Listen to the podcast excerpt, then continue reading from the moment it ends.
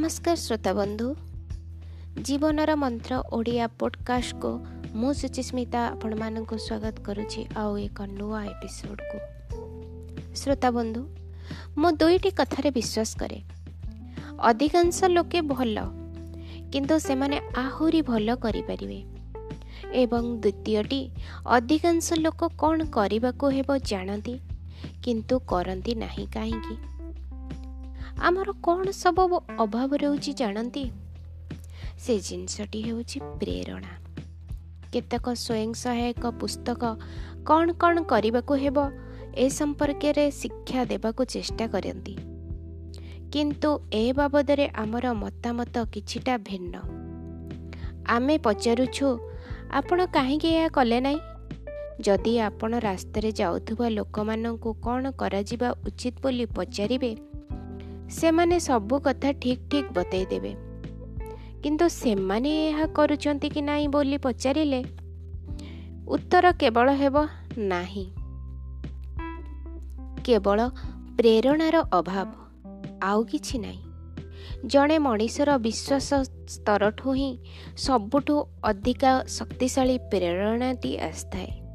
ଏହାର ଅର୍ଥ ସେ ଯାହା କରୁଛି ସେଥିରେ ତା'ର ବିଶ୍ୱାସ ରହିବା ଦରକାର ଏବଂ ସେ କିଛି ଦାୟିତ୍ୱ ବହନ କରିବା ଜରୁରୀ। ତେଣୁ ପ୍ରେରଣାର ଭୂମିକା ବେଶ୍ ଗୁରୁତ୍ୱପୂର୍ଣ୍ଣ। ଯେତେବେଳେ ଲୋକମାନେ ସେମାନଙ୍କ ବ୍ୟବହାର ଏବଂ କାର୍ଯ୍ୟାବଳୀ ପାଇଁ ଦାୟୀ ରହନ୍ତି ଜୀବନ ପ୍ରତି ସେମାନଙ୍କର ମନୋଭାବ ନକାରାତ୍ମକ ହୋଇଥାଏ। ସେମାନେ ବ୍ୟକ୍ତିଗତ ଏବଂ ବୃତ୍ତିଗତ ଉଭୟ କ୍ଷେତ୍ରରେ ଉତ୍ପାଦନକ୍ଷମ ହୁଅନ୍ତି। ଘରେ ଏବଂ କାର୍ଯ୍ୟକ୍ଷେତ୍ରରେ ତାଙ୍କର ସମ୍ପର୍କର ପରିସର ବଢ଼େ। ଜୀବନ ଅଧିକ ଅର୍ଥପୂର୍ଣ୍ଣ ହୁଏ ଏବଂ ପୂର୍ଣ୍ଣତା ପାଏ। ଜଣେ ଲୋକର ମୌଳିକ ଶାରୀରିକ ଅଭାବ ଗୁଡ଼ିକ ପୂରଣ ହୋଇଗଲେ ଭାବଗତ ଅଭାବ ଗୋଟିଏ ବଡ଼ ଉତ୍ପ୍ରେରକ ହିସାବରେ କାମ କରେ।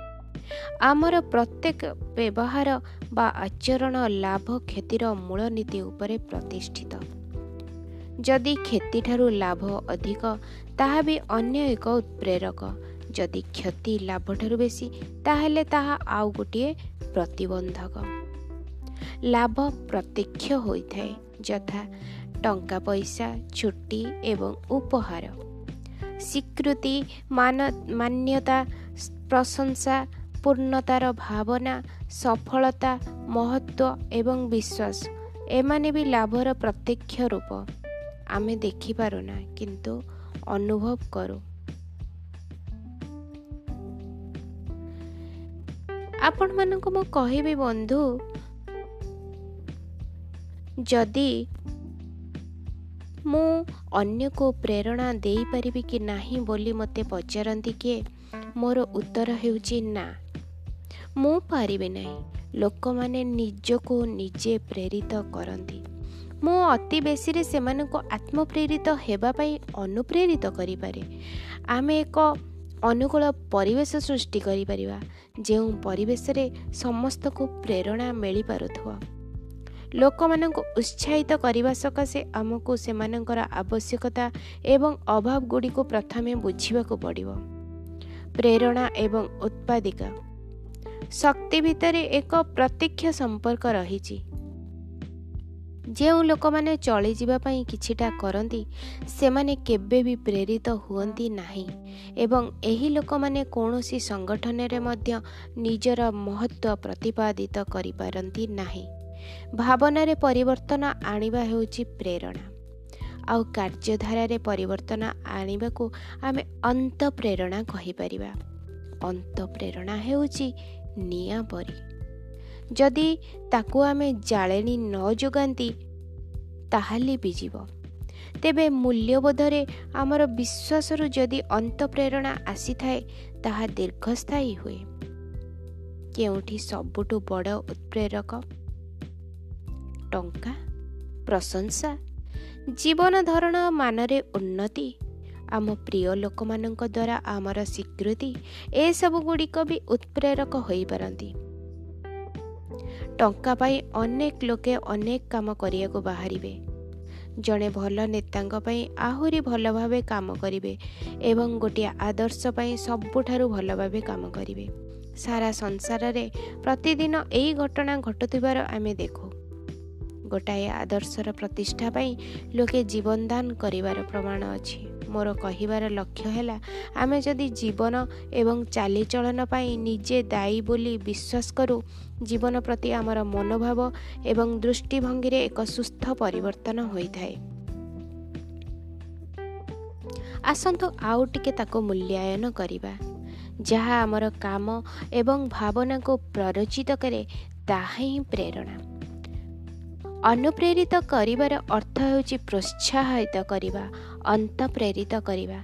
ଭାବନା ବା କାର୍ଯ୍ୟକୁ ତ୍ୱରାନ୍ୱିତ ଓ ତେଜିଆନ କରିବା ବି ପ୍ରେରଣା ହୋଇପାରେ। ପ୍ରେରଣାର ପ୍ରଚଣ୍ଡ ଶକ୍ତି ରହିଛି। ଏହା ଆମ ମନ ଭିତରର ପ୍ରତ୍ୟୟ ବିଶ୍ୱାସ ସୃଷ୍ଟି କରେ ଏବଂ ଆମର କାର୍ଯ୍ୟ କରିବାର ମନୋବୃତ୍ତିକୁ ବଢ଼ାଇଥାଏ। ଥରେ ପ୍ରେରିତ ହୋଇଗଲେ କାମ କରିବା ବେଶ ସହଜ ଓ ଉତ୍ସାହପ୍ରଦ ହୁଏ। ଅନ୍ୟ ଭାଷାରେ କାର୍ଯ୍ୟ କରିବାର ମନୋବୃତ୍ତିକୁ ହିଁ ଆମେ ପ୍ରେରଣା ବୋଲି କହିପାରିବା। ଆମେ କାହିଁକି ଅନୁପ୍ରେରିତ ହେବା ଜରୁରୀ?